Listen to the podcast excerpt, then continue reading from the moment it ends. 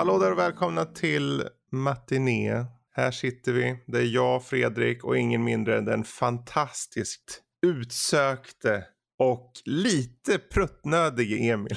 Lite faktiskt. Jag, jag känner mig sån idag. Kanske därför, alltså jag ber om Nu är det ursäkt för... barnsligt här, barnsligt intro, men det får vi bjuda på. Ja, eh, jag tänkte säga med passande med tanke på att det är en Disney-film, men den här är en av de mörkare av dem faktiskt. Du, den är ju det. Mm. Vad är det vi ska prata om idag då? Atlantis, en försvunnen värld. Mm. Såg du den på engelska eller svenska? Eh, jag, jag, jag såg den på engelska Mm. första gången. Mm. För Jaha. jag, Mm. Ja, för jag, de, vi debatterar, eller jag debatterar, jag debatterar med mig själv om ska jag se den så som jag minns den eller ska jag se den så som den var tänkt att ses. Precis. Uh, och jag älskar den svenska versionen men jag vill se den på engelska och jag är glad att jag gjorde det. Det är intressant. Jag vet inte ens om jag någonsin har sett den svenska versionen faktiskt. Cool. Den är bra. Den är mycket bättre dubbad än vad många moderna Mm. svenska filmer är Mm. dubbade. Faktiskt. Är, Disney överlag har haft en bra liksom, konsekvent eh, kvalitet på de dubbningarna tycker jag. Mm. Eh, jag menar redan på 90-talet var det ju bra. Oh ja, det, känd, det var liksom dialogen och allting eh, var alltid en del av ljudbilden och inte bara Mm. så här pålagd. Precis, och inte så här bara rakt över översatt heller utan de fick intentionen mycket. Det var Mm. mycket fokus på det. Jag tror Disney själva var ganska hårda på att det skulle göras så bra som möjligt liksom. Det känns som det. Lite det där med att bli älskad överallt som Disney Mm. ändå är så handlar det om att kunna lokalisera sitt material till den platsen. Precis. Eh, Och det har de alltid varit duktiga på. Ja. Hmm. Men idag är det Atlantis här då som står i fokus. Och eh, precis som eh, myten om den förlorade staten Atlant- staden Atlantis så är ju filmen om Atlantis väl värd att återupptäcka även den kan jag tycka. Oh, kul att höra, kul att höra. Ehm, jag, jag tänk, när jag såg, när jag hade sett klart den här så tänkte jag bara, ah vad glad jag är. För om det är något som är matiné, om det är något som är äventyrligt, matinémässigt och, och rör lite av det som kanske är essensen i vad matiné är liksom. Det, de kanske, det, ibland, det, här det här blev aldrig en blockbuster på det sättet de hade hoppats. Den gick inte så bra som det var förväntat och så. Men i jag tyckte ju mycket om den då. Men jag, blev, jag uppskattade en hel del i vad jag såg i den nu, idag faktiskt. Mm. Ehm, men vi kan ju börja från början. Ehm, vi får ju, vem får vi följa?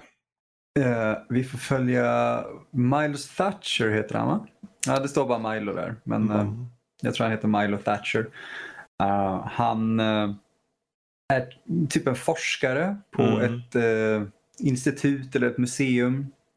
Och han är så specialiserad på typ utdöda språk. Han är linguist, vilket han blir retad för senare. Mm. Och han är lite besatt av just Atlantis. För det är, det är en cool grej är det ju. Och när han, eh, ja, vad ska man säga? Allting faller ur händerna på honom. Han får inte sitt forskningsbidrag eh, i en scen som är eh, otroligt eh, relevant fortfarande. Där, där så här, myndighetspersonerna bokar om hans tid precis när han ska gå på mötet och den är bokad så att han inte kommer hinna till den nya tiden. Och så blir de så här, ah, okej han kom inte, ja då drar vi. Eh, och han hotar med att säga upp sig, vilket han gör. Och han får sen ett erbjudande ändå. Precis. Och, eh, Ja, för han, eh, när han kommer hem då efter att ha gjort allt det här i början med att försöka säga upp sig. Eller, han, det var ju som ett liksom, han försökte ju där få dem, tvinga dem att eh, ge honom pengar för en expedition och allting. Men det gick ju som det gick där. Att, ja, men du, för han jobbar i pannrummet liksom. ja, just det. Ja. Och, eh, men när han kommer hem eh, i mörkret där i sin, i lä sin lägenhet. Först så hör, hittar han inte sin kissemiss som verkar vara borta. Men det hittar en annan kissemiss tänkte jag säga. Mm. Där, där, har vi ju eh, den här väldigt noirmässiga tjejen eh, Helga. Mm. Som säger att eh, hon, har, hon jobbar för en person som eh, vill träffa honom. Det är allt hon säger. Det, vill säga, eh, det sätter upp det som hon, hon bara tar med honom till en sån här gammal herrgård typ. Där eh, Whitmore, som han heter, den här personen som mm. ska, ska, han ska få träffa, bor. Och man tänker okej, okay, är det bad guyen eller vad, vad, nu sätts det upp här någonting. Men nej, det är en gammal kompis till hans, vad blir det, morfar eller farfar. Ja, precis, det säger jag aldrig. Uh, och uh, istället så blir det nästan så att den här personen har haft koll på honom och vet att han har varit så intresserad av Atlantis och att bara dubbelkolla så att han på för att vara med på en expedition för att hitta Atlantis. Mm -hmm. uh, och där startar det hela liksom. Uh, han har satt ihop en, ett team kan man säga. Uh, plus jättemycket folk utöver det. Som, och det här är ju en film som var PG-rated. Det är en av de få filmerna som blev det av, av Disney. Um, och det kommer vi kanske komma in på sen men uh, det, det, finns ju skäl till det. Men uh, ja, han får i alla fall ta sig ner i underjorden tillsammans med det här teamet och uh, ska leta efter Atlantis. Och det är så jäkla kul. Mm. Det, det, det, är en bra, det är en bra start tycker jag. För jag gillar hela den här designen de har på världen som mm. är Typ, jag tänker säga någon form av retrofuturistisk industrialism. Mm, mm. I guess. För det är så här, ah, vi har stora maskiner som inte hade varit möjliga men de drivs av ånga. Precis. Okej, okay, jag är med. Um, och alla karaktärerna, hur de presenteras också så här fantastiskt. Du har ju mm. sprängexperten Vinny um, och, och, hur han så här, beskriver allt. Uh, han har sina redskap och allt. Nej, jag har väl Uh, jag har fem stycken sådana här stora dynamiter som kan spränga vad som helst. Sen har jag väl 20 som jag byggt själv som jag är lite osäker på om de funkar. Alltså de kommer ju funka men de kommer kanske spränga oss alla. Men, men. Uh, vi har Molière som är den franska typ geolisten antar jag, eller ja, geologen. geolog, precis. Uh, vi har ju tjejen som är så här bra på att tinkra med liksom maskiner Audrey. och sånt. Um, sen har du ju receptionisten. Mrs ja. Packard.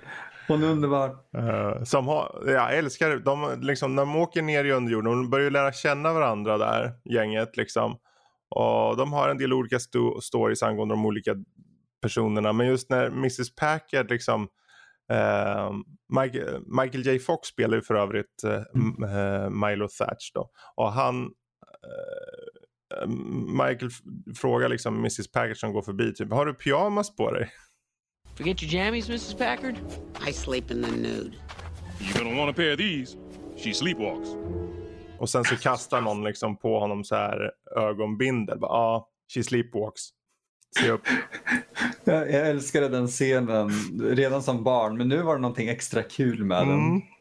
den. Eh, ja. Men jag älskar hur hon sitter. Hon har, hon har så en låg ton hela tiden mm. genom hela filmen. Mm. Och när de väl kommer ganska djupt ner, eh, exempelvis så stöter de ju på eh, Leviathan. Precis. Eh, som är i princip en stor sjöorm, beskrivs den som i Bibeln. Mm. Uh, och, och här visar det sig vara en maskin. Precis, vilket är väldigt intressant. Uh, men det är så kul för hon är ju den som hon är så sonar eller radiooperatören. Precis. Och Milo står och så försöker översätta saker för Rourke som är så ledaren över den här expeditionen egentligen, en mm. stor militärsnubbe. Han kan ju inte alls vara ond eller någonting. Är, nej, nej, nej, nej, nej. Eh, men uh, han står och lyssnar lite så här flyktigt, han bryr sig inte riktigt och i radion hör man typ uh, Commander, Commander, Commander. Inte ens med så här uh, det är liksom inte så här nervöst eller någon indikation på någon form av temperament i det. Hon, säger, hon bara säger commander, commander. Han bara yeah what? You better listen to this. Ah, put it on speaker och så ser man hur hon bara ah, ja, slår igång det så hör man typ monsterljud som ekar genom mm. vattnet och alla andra så här, på skeppet bara mm. Där har de en riktigt snygg ögonanimation faktiskt. Ja. A- ögonen här i, eh, är extremt väl animerade. Mm. Mycket detaljer är bra animerade. Mm. Eh, och sen så anfalls de ju av Leviathan. Mm. Vilket är en... Där kan vi komma in på det egentligen. Den scenen Mm. är väl första gången man verkligen känner wow, det här är inte en vanlig Disney-film. Folk dör. Precis. Eh, och det är ju inte, alltså det etableras ganska snabbt. Egentligen alltså är det ju på en gång i filmen för när filmen Mm. börjar så får man ju se Atlantis. Och vad som händer eh, med Atlantis. Man ser inte varför riktigt. Men man, man ser att det kommer en stor jättevåg som är på väg att skölja över och sen kom, sätter de en sån här skyddsbarriär. Och man ser att folk kommer inte in i skyddsbarriären. Det finns eh, en tjej håll, hålls om av sin kille och de står och bankar. Men det är liksom kört för dem. Det, det är Mm. ganska, och jag tänkte på en gång, ja just ja, fan, jag tänkte inte på att den var så rå. Men, men det kanske, det kanske går över sen. För jag skrev här i anteckningarna, rå början när Atlantis går under. Men ändå är det vackert animerat liksom. Ja, Ehm. det är det. Det är nice. Men precis, eh, för när, när Leviathan där attackerar eh, och eh, för de åker ju först i stort skepp så här under vatten. Ascoolt. Eh, det känns verkligen Jules Verne här. Det Så är är det ju. så Jules Ja. Verne. Jag älskar det. Jag Ja. älskar det. Eh, och då liksom ser man delar av det här stora skeppet gå sönder liksom. Och hon Audrey får ju stänga olika rum liksom. Man ser att det är en Mm. kille där, han, han är inte med. Så han stängde så han dog. Man bara Jesus. Ja, för man tänker alltid, ja men Disney visar Mm. så här, att de, alla överlever precis. Där, det är två snubbar som hinner igenom, så ser man Mm. bara den sista snubben och allt vatten så kommer och hon bara nej, stänger Ja, igen den där. Och det är liksom val hela tiden. Men till skillnad från många andra, särskilt kanske äh, matinéäventyr överlag. Du vet när folk dör eller någonting, då är det liksom, folk går vidare, storyn progressar. De tar ändå tid till att när det har lugnat ner sig och de kommer liksom hittar eh, land så att säga. Så tar de en, en, om en kort men ändå en liten stund för de som gick bort. Mm. Så Jag, tycker det är jätteväl genomtänkt och det håller, det håller tonen och realismen i sin värld på något sätt känner jag. Liksom. Eh, allt känns grundat. Exakt. Um, och jag, jag skrev faktiskt ner just det, för jag blev lite... jag- Jag fick en känsla ändå. Mm. Liksom att oj, det var många som dog. Ja. Um, och, och det, det är lite kul just för att det är, det är en ganska mörk grej som de Mm. verkligen understryker med det. Men vi har haft en så här dogfight i princip med mini-ubåtar Ja. mot Leviathan.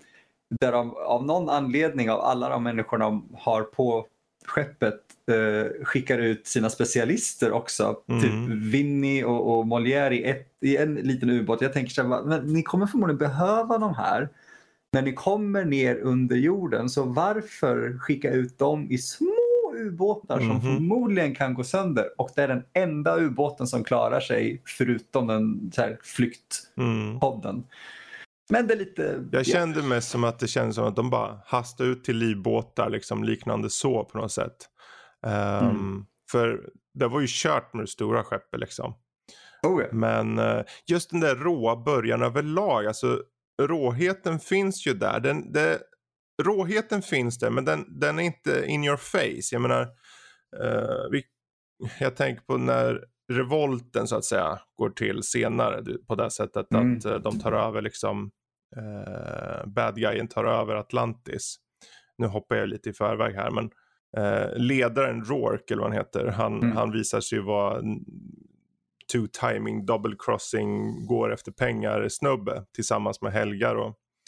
Och eh, vill tvinga liksom kungen av Atlantis då. Och då slår han, han slår han, honom i magen vilket Mm. faktiskt leder till att han dör. Jag skrev ner det också. Det, för att det är en verklig död. Mm, Det, han är gammal, han är gaggig. Han får ett slag i magen ja. och han dör av skadorna Precis. efter en stund. Där har vi, och det var just det jag tänkte komma till, att den här oväntade råheten finns där. Men de, bara för att något är rått behöver du inte visa det. För när de, de klipper ju bort att när, man ser inte ens slaget i magen på honom. Nej. Men jag tycker, vi vet ju att det sker. Så varför visa det? Och det på något sätt, för mig, om vi ser på filmen i sin helhet, tycker jag att den har som den här klassiska klipptekniken typ som är matinéäventyr. Den låter ha wide shots ibland så här och ta in vad du ser och vad de ser. Och eh, klassisk klippning men även fast det är det så behöver du inte, du behöver inte visa råheten liksom. Och det tycker jag är jätte, jag tycker det är välgjort som tusan faktiskt måste jag säga. Ja, eh, jag valde faktiskt bort att ta upp mycket av de grejerna för att jag blir så tekniskt Mm. kåt annars. Men, men, men det är eh, väldigt intressant därför att det är just det du säger, klipptekniken är där Mm. På ett sätt som man aldrig tänker egentligen i en animerad film. För att det är ingenting som sker framför kameran så sett. Precis. Eh, Men den här är dessutom filmad, som du sa, de här vidvinklarna. Mm. Den är filmad i uh, anamorfiskt. På Exakt. 35 mm i anamorfiskt. Det är så här. Det är galet. Mm. Är det. Alltså- Men det, det, oh, det gör så mycket för den. Ja. För när, jag, jag, det tänkte jag aldrig på då när den kom, 2000 Mm. någonting. 2001. 2001. Eh, utan det var bara ytterligare en Disney-film. Eh, Mm. Och eh, så här nu när man har sett klart den tänker jag okej den har inga, den har inga sångnummer. Mm. Den är ganska rå. Och den har egentligen ingen sensmoral på det här sättet som många andra filmer har. Den har ju såklart det här med att liksom vara en god människa och du kan överkomma svårigheter. Det är klart det finns där. Men det är inte som att de trycker upp det som den stora sensmoralen i filmen. Utan det är som att äventyret går före. Och det är, lite, det är ganska uppfriskande för en Disney-film faktiskt, tycker jag. Eh, sen att det är monster, undervattensfarkoster och sköna one-liners också. Det hjälper ju bara till liksom. Ja, men det är det jag tycker solidifierar den som just ett, ett matinéäventyr till skillnad mot men typ Lejonkungen. Som. Lejonkungen är briljant. Mm. Men jag har sett Atlantis fler gånger i vuxen ålder. Nu har inte jag sett den jättemycket men jag kan inte komma ihåg när jag såg Lejonkungen sist. Mm. Atlantis har jag på Blu-ray för att jag tycker den är så fantastisk. Bara underhållande och väldigt snygg. Mm. Um, så jag ser väldigt gärna på den flera gånger. Precis. eh, Så sätt. Sen är det ju intressant att de här i den här filmen har de ju en, inte mycket men de har ju eh, användning av datorgrafik i den. Eh, men här handlar det om att serva storyn. Det handlar om att serva där du ser liksom. Mm. Och eh, att de använder det sparsmakar tycker jag det är väl genomtänkt och det känns som att ja, men det, det är the craftmanship här i Mm. fokus. Men de använder det på platser liksom där det inte kommer eh, klascha med Mm. den vanliga animerade stilen. Eh, typ när skeppet går under vattnet och här, Mm. då, det är då de använder det för att det är episkt, det är stort, de kan göra det. Mm. Hade de börjat blanda data med den vanliga tecknade grafiken när folk var omkring, Mm. mm, då hade det börjat Precis. stå, eller så här, liksom skava. Mm. Mm. Ehm, just för att, jag tänker storyn, den är ju den är ju ganska enkel i, sin i sitt upplägg ändå såklart. Alltså du, om vi kan summera upp det så vi kan prata om annat är ju att de kommer till Atlantis, de träffar på mer eller mindre prinsessan av Atlantis från början. Lingvisten, det vill säga Michael J. Fox, uh, Milo Thatch där, uh, lär sig prata med dem, förstår att det finns en energikälla och det är den källan som Rourke då eh, vill ha och ta och ta med sig upp till ytan och sälja och få mycket pengar.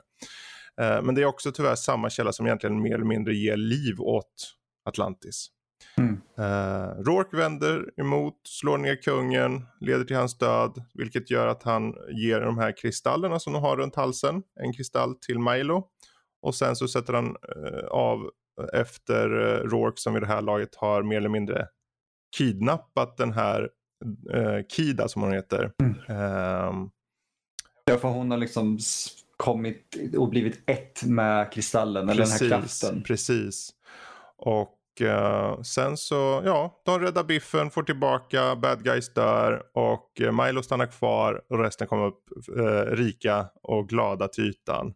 Ehm, och även om de, för man kan ju säga att Rourke är ju ledaren för de här eh, ner eh, mot Atlantis då. För Whitmore följer inte med. Ehm, för, Nej, men han är ju typ så här 500 år gammal. Precis. Eh, och eh, då tänker man först, okej, så då, för när de vänder mot liksom eh, kungen i Atlantis där och vill liksom använda sina skjutvapen och göra illa och liksom ta över. Så tänker man, okej okay, alla är onda eller är de det? Man har ju fått den här uppbyggnaden som vi pratade om förut, liksom, när de är på väg ner, liksom, får man ju Mm. lära känna dem. Ehm, och ja, de må göra det för pengar, men att göra illa folk. Och det här, är ju, det här tycker jag är ju, visst det, det är ju tecknad film och jag tycker det är jättebra att, att faktiskt fortsätta hålla på det här med att bara för någon gör någonting för girighet så betyder det att man kanske vill göra illa folk så. Precis. Eh, för det, det är en stor skillnad och där, där tar de ställning då.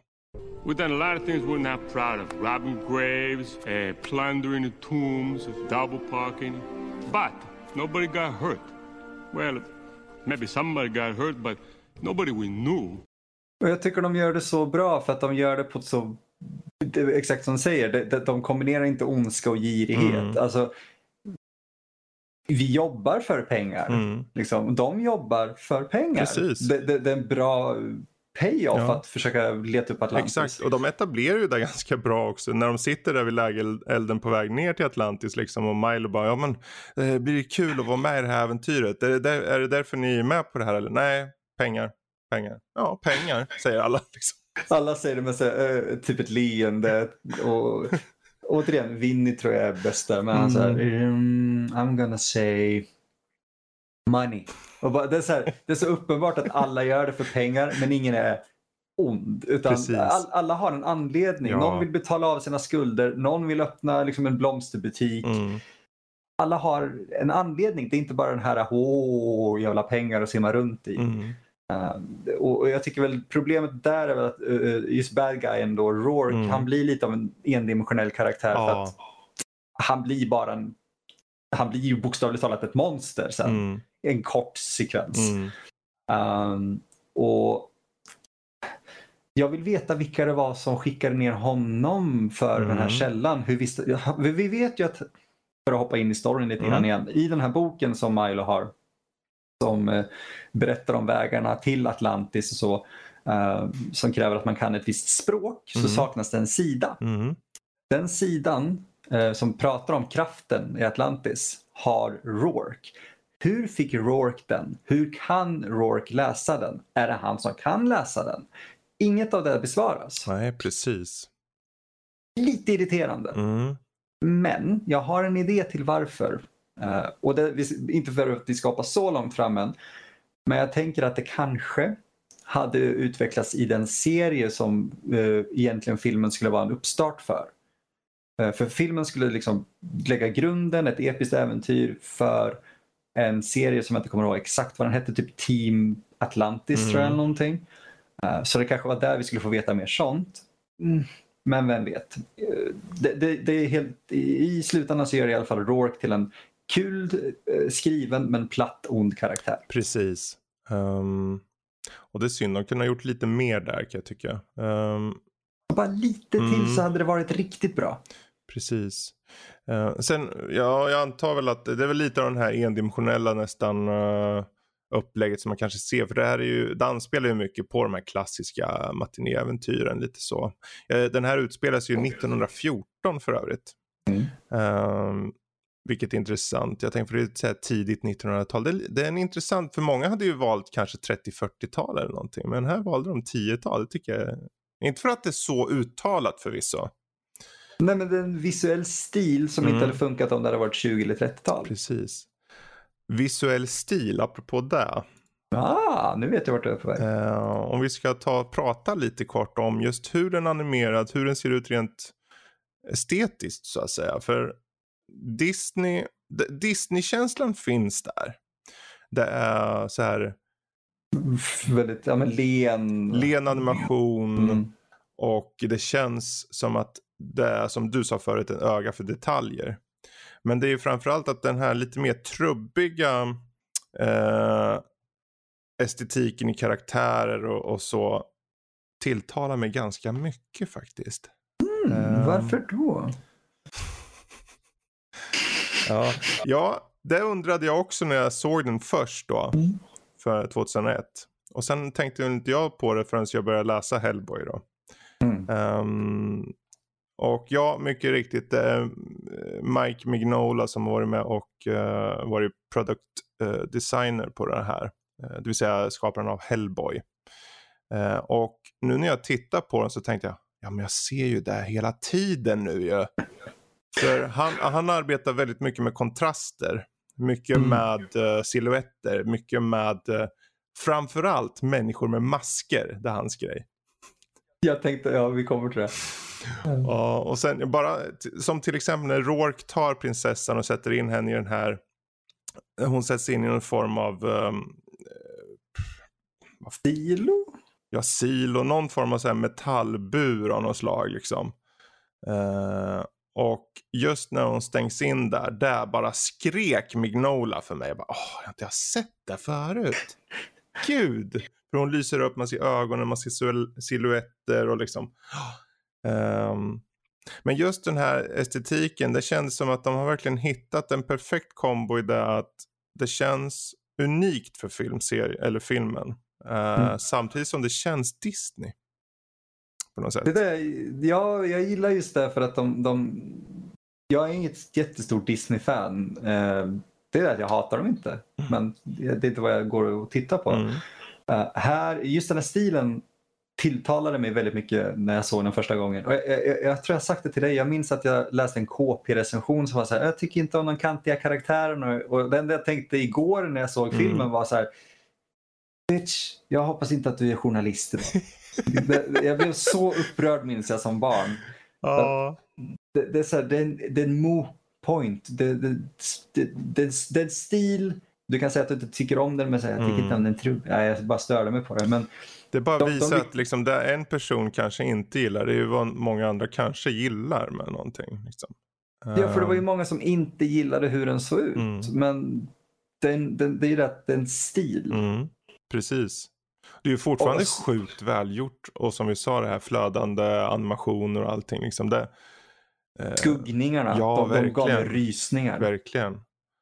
Um, Nå, nej men det, det, ja, det var kul att vi tog en Disney-film. Det är ju första Disney-filmen om jag minns rätt. Um, Rocketeer. Okej, första Snackar tecknade då. ja. Ehm, Och eh, det är ju kul att börja med den här faktiskt. För jag tycker det är, jag tycker ju jättemycket om den här. Eh, Oh. Den är ju rent strukturmässigt är den ju ganska enkel fann jag den dock. Liksom. Att det, är inte, det är inte som att jag satt så här, okej men nu vill jag se om den här igen, kanske nu på en gång, jag kan nog vänta ett tag. Men eh, jag uppskattade jäkligt mycket vad jag såg. Eh, för att inte tala om humorn och framförallt skådespeleriet. Ja, och det är inte så jättemånga A-listar ändå. Nej. Och alla levererar grymt. Mm. Det, ja. Det, jag tänkte på det, men alltså den här, det är inte så många A-listor, men det är ändå ganska recognizable. I alla fall för, som oss två som känner till, eller ni som lyssnar för den delen säkert. Eh, vi har ju Michael J Fox i huvudrollen. Men vi har också James Garner, en av de här, han var ju en, ehm, han var ju en skådespelare som höll på jättelänge verkligen. Mm. Eh, och det är han som spelar Rourke. Uh, recognizable, lite raspig röst hade han och han funkar jättebra. John Mahoney spelade Whitmore och det var han som Mm. var pappan i Frasier. Ah. Eh, han som hade lilla hunden. Eh, den här, det är en mörkhyad man med i, i teamet och han är doktorn. Dr. Sweet. han, han spelas av Phil Morris som bland annat var med i Mission Impossible-serien då på 90-talet. För att nämna någon. Han har gjort jättemycket voice acting och sånt också. Och massor med tv-serier och allt möjligt. Eh, sen har vi någon, det är någon här, vad heter han? Leonard Nimoy ja. Ja just ja, han ja. Mm, Ingen aning. Nej, han spelar i alla fall kungen av Atlantis och han var ju, han är ju perfekt där med sin Mm. ehm, regala röst liksom på något sätt sådär. Eh, Ja, han, är, han är en sån där som äger, okej han är död nu, Mm. men han var en sån där som ägde rummet Mm. när han talade. Precis. Sen finns det ju vissa här som jag kanske, jag vet inte om du känner till, men jag, jag är väldigt välbekant med en skådis. Han spelar en karaktär som heter Cookie och han heter Jim Varney. Ja, ja, Jim Varney vet jag. Eh, han gjorde ju Ernest-filmerna bland annat. Ja. Eh, och var, han var ju med i Mensan och en av de smartaste som fanns faktiskt till och med. Vilket är intressant med tanke på Ernest. Um, Ja, Ernest och Cookie som han spelar. mm, De är, jag vet inte vad han gör där, men jag älskar att han är där. Så mannarna behöver varierad kost. Ja, men vi har ju vad vi behöver. Vi har ister, vi har bacon och vi har... Vad är det, mer? det är någonting mer så här riktigt jävla Mm. äckligt. Och man bara... Ah. What is this? That would be lettuce. Lettuce?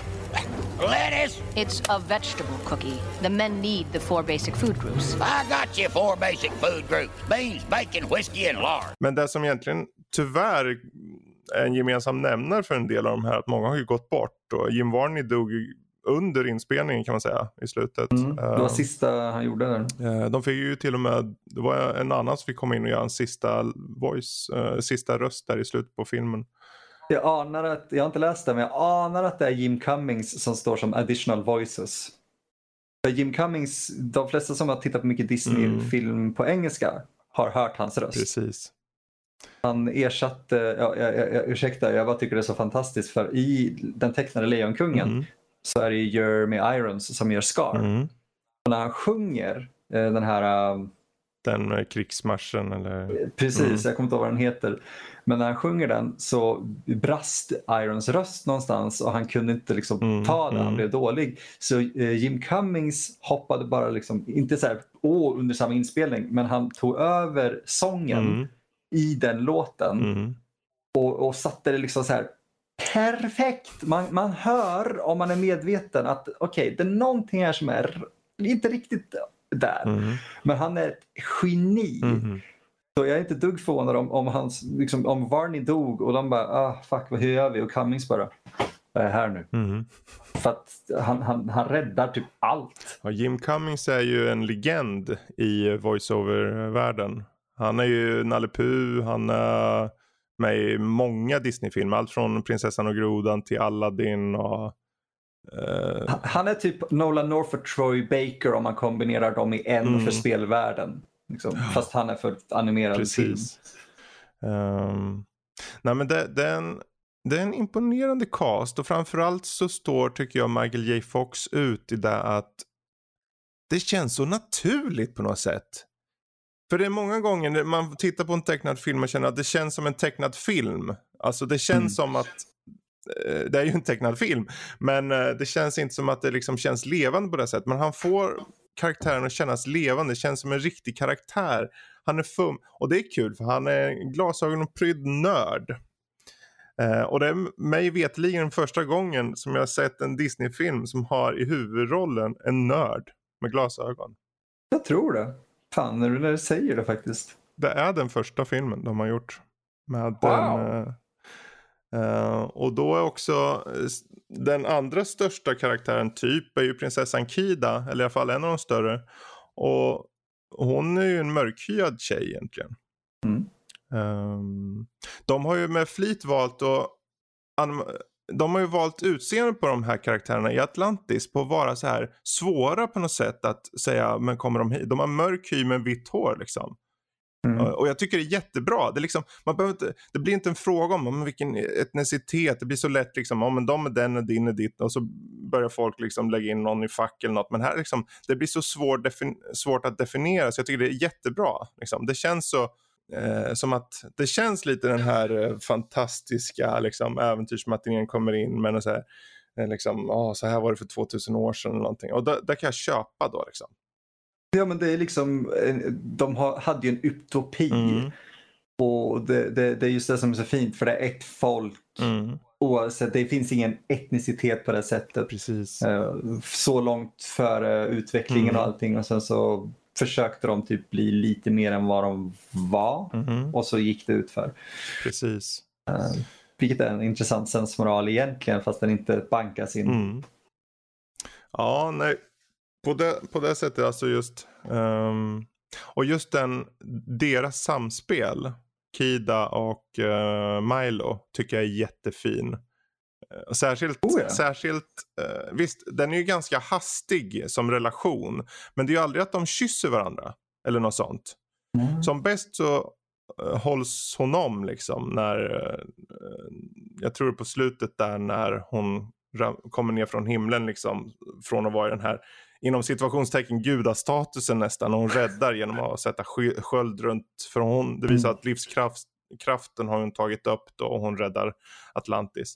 Eh, och, då, och det tycker jag det är bra för filmen eh, som många gånger blir alltså förhastat i sådana här filmer. Okej, de, de, eh, det finns en rom, romantik här, okej de måste kyssas eller någonting. Men det, de går inte dit, de, han stannar kvar där. Han, vill- han vill ju lära känna och så, sen ser man en tid efter liksom. Men att de håller hand mest liksom. Men det, jag tycker det, det är det som gör det så mänskligt också. Mm. Just att det blir inte den där eh, Törnrosa-kyssen eller vad det nu Mm. är. Utan han håller om henne när hon är ledsen Ja. eller eh, sorgsen och hon räddar honom. Ja, Vilket också är så intressant 2001. Ändå. precis.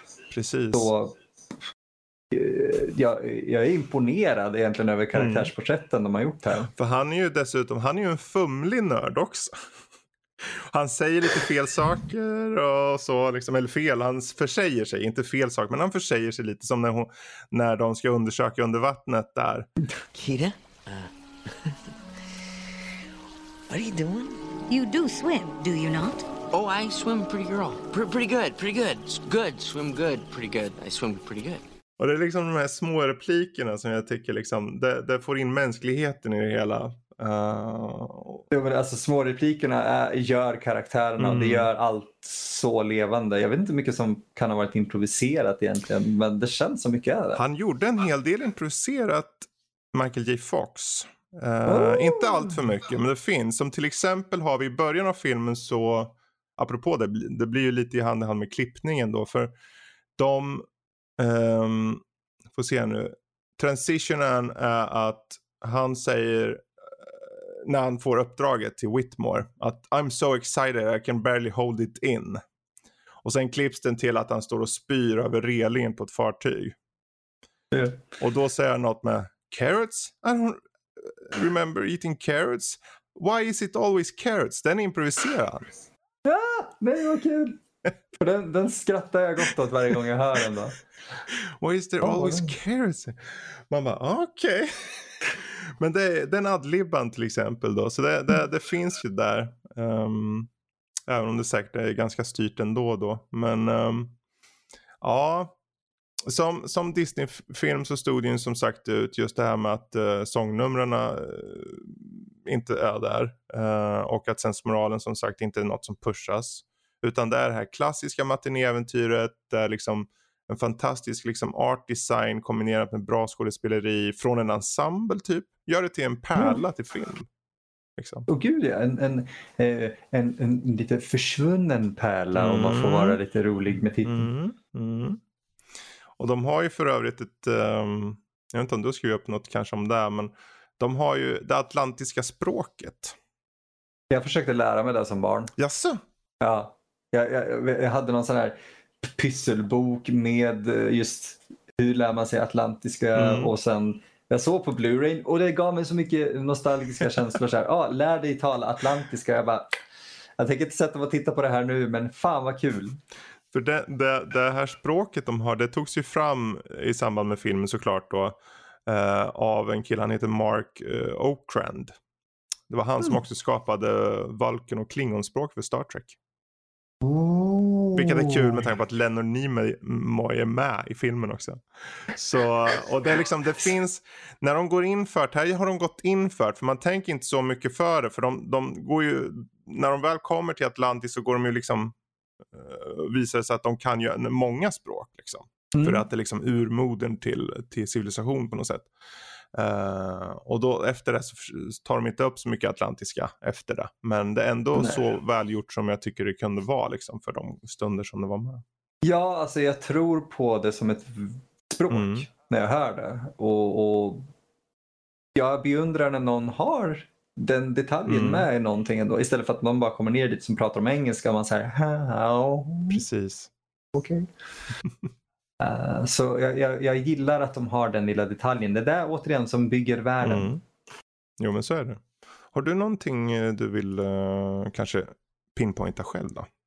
Mm, det här med soldaterna exempelvis. Det här du nämnde om maskerna. Ja.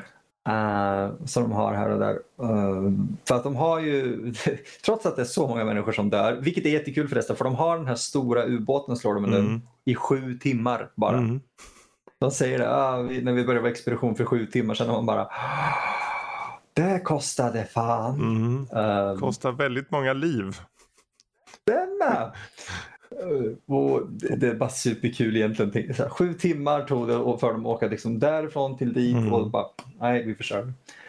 Uh, men soldaterna bär dräkter som är så här, de är väldigt anonyma och väldigt bruna. Mm. Och, andra världs, äh, första världskriget Mm. i princip faktiskt när, när jag tänker efter. De maskerna de har är ju så gasmasker från den perioden Precis. det fick mig så mycket att tänka på. Jag har inte sett den. Men jag har sett eh, mycket bilder och, och trailers och så. Jag vill se den. Mm. Eh, Wolf Brigade. Eh, typ anime med den typen av Mm, masker som mm. så här lyser rött. Och det, det är en otäck design de där eh, gasmaskerna. Alltså på riktigt också. Och det, det, jag tycker de har förvärvat det bra Mm. här. Ja, verkligen. Och där, om jag ska vara den där nörden igen då och gå tillbaka till Mignola. Eh, han har ju, jag vet inte om du tänkte på det, men de hade emblem på sidan av eh, klä- kläderna. På, på axeln. Ja. Som till exempel Rourke hade det. Hade det. Och eh, det där emblemet, just att ha emblem är ju någonting som han använt sig ganska mycket av. Eh, förutom vissa andra. Liksom han, Mignola fokuserar oftast på folklore. Det är folklore, det är myter, det ska alltid ha någon grund i vad som har existerat sett till vad folk tror har funnits så att säga. Eh, och på det så skapar han ofta organisationer. Han har en or- organisation i, i Hellboy som heter BPR, det är alltså Bureau for eh, Paranormal Research and Defense. Och den loggan där var inte superlik men det är just hela känslan av att han körde med det även här.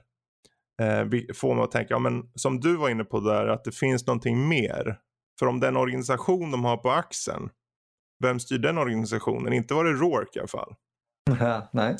Så du är ju, jag tror definitivt du är inne på rätt spår där med att eh, de hade säkert någon antagonist som väntade i, i farstun där någonstans. Kan han inte teckna fler Atlantis-grejer i så fall? Då? Jag kan ta en graphic Ja, novel. om man fick så. Mm, Han, vill han gillar- stack ju från Disney så. Ja, det är inte konstigt visserligen. Det hade jag med gjort nu. När, när, när, jag, när du sa det så såg jag bara bilden av när Darth Vader dansar på scenen till typ I'm sexy and I know it och då blev jag så här, gud. ja. Ja. Det, ah. Ja, nej men ehm, jag vet inte vad mer. Har du något mer eller som du vill ta upp? Eh, Det är inte egentligen Nej. sådär. Alltså, jag tänker det är ett fantastiskt soundtrack men det är inte så här att det sticker Nej. ut så som det kanske man önskar att det gjorde Mm. men det är bra. Mm. Jag tror det är typ James Horner eller någonting.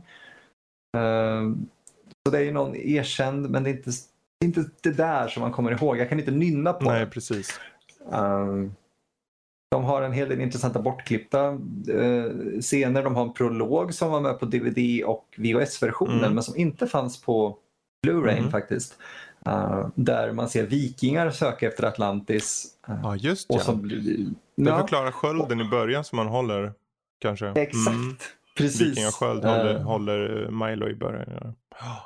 Ja, det, för jag tänkte, det var lite den här, det känns som att det saknas Mm. någonting här. Och sen så fanns den på Blu-ray, eh, den scenen just, då kom jag ihåg att ja, exakt. Men den hade, jag vet inte om den inte överlevt HD trans, som, eh, eller någonting därför att den, den såg inte bra Nej. ut. Eh, Men, men det var kul att se den igen och, och den, den ger ju egentligen inte jättemycket förutom att folk sen vikingatiden och säkert tidigare än dess har sökt efter Atlantis. Eh, och jag tror det är typ Kraken då, eller om, nej det är Leviathan tror jag som Mm. fiskar sönder dem igen. Mm. Så det är väl lite som öppningen i Alien vs Predator. Där, om man ser Directors Cut slår de nu därför att där har de någon som försöker fly ifrån något hot vi inte ser och sen så är det en alien och en predator som typ anfaller varandra därför att de har sedan 50 minuter utan att någonting händer. Eh, men här så behöver de inte en prolog som spicar till det därför att saker och ting händer väldigt fort ändå. Precis.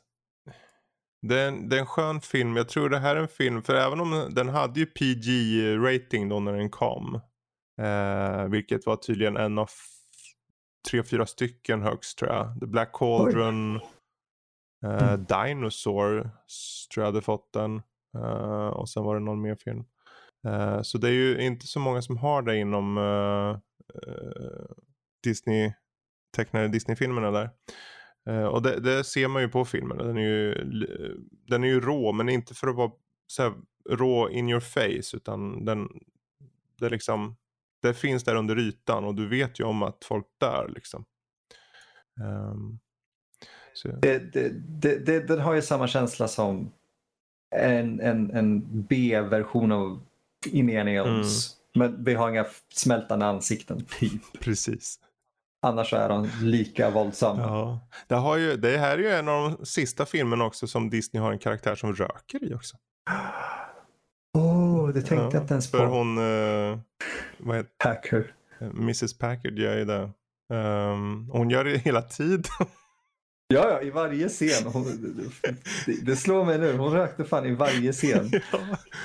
Underbart ju. Och det är liksom, det här är, det här är innan det blev, innan det, jag vet inte om det, varför de ändrar, men det, det, de har väl dragit ner på allt sånt för att det är ju ändå, de vill väl vara specifikt för sin målgrupp eller någonting som är mest kids då antar jag. Men ehm, Men är det inte lite lustigt att för 90, nästan 100 år sedan så gjorde man reklam för rökning via att man lät filmskådisar röka i film. ja. Eh, Ta tillbaka det. Jag vill eh, börja röka mer. Jag måste känna att det är okej att röka i en Disney-film. En liten eh, detalj, och nu, nu, blir jag, nu går jag tillbaka till den jävla Mignola här. Men, ehm, han höll ju på, han började med Hellboy runt 93 någonstans. 92, 93. Mm, och var ju ganska, han fick ju, det tog sin tid men han var ganska erkänd vid det här laget. eh, som eh, det ringde eh, på hos honom i telefon, det ringde. Och när Disney då visade, som det var då, representanterna frågade honom om han ville arbeta på pro- projektet så hans första svar Hur fick du mitt telefonnummer? Det gillar jag. Det är bra. Det, det, det, det är då man vet att den här snubben vill jag ha på mitt projekt ändå. Underbart. Ja. Nej, jag, vet inte, jag tror inte det finns så mycket mer att säga. Det, det är en Jules Verne-inspirerad historia på 10-talet där du har en bra cast och eh, ett härligt äventyr, ett hjärtligt äventyr. Ehm, helt enkelt. Mm. Ehm, så ja, ska vi sätta punkt där? Jag tycker det. Jag vill ni ha en oneklig matinéfilm med barnen, särskilt nu om ni är hemma i karantäntider, Mm. så tycker jag definitivt att det här är en bra film att se. Precis. Precis. Eh, då så, men då eh, får vi eh, säga bye bye till Atlantis. Men innan vi tar rundar av här tänker jag vi ska ta och eh, rulla på hjulet som vi brukar säga. The Wheel of Matiné eller? Hur som helst, den här gången är det fyra filmer som står i, eh, med på det lilla hjulet. Det är Sleepy Hollow. Det är Hellboy, vilket vore ironiskt om den kom. Det vore Eh. Payback, Mel Gibson. Yay. Eller 99 års Mumien. Mm. Och eh, med det sagt så svingar vi på hjulet. Och det blir Sleepy Hollow. Ooh. Då så. Då har vi något klart för nästa månad. Och eh, vi får väl helt enkelt ta och bunkra upp oss här. Ta fram spade. Börja gräva och se om vi når Atlantis innan nästa avsnitt. Jag tvivlar ganska starkt på det. Men Du, jag Bergsjön är inte långt härifrån, jag kan simma. Ja, ja. Men då får jag tacka den gode Emil som haft eh, eh, den bästa av anleten att se på medan jag pratar här. Åh. Enchanté min kära vän, du är slätrakad och fin. Ja, nej det var det inte, jag såg det nu. Då, ja. Ja. Då, det, Tack och hej allihopa. tack och hej.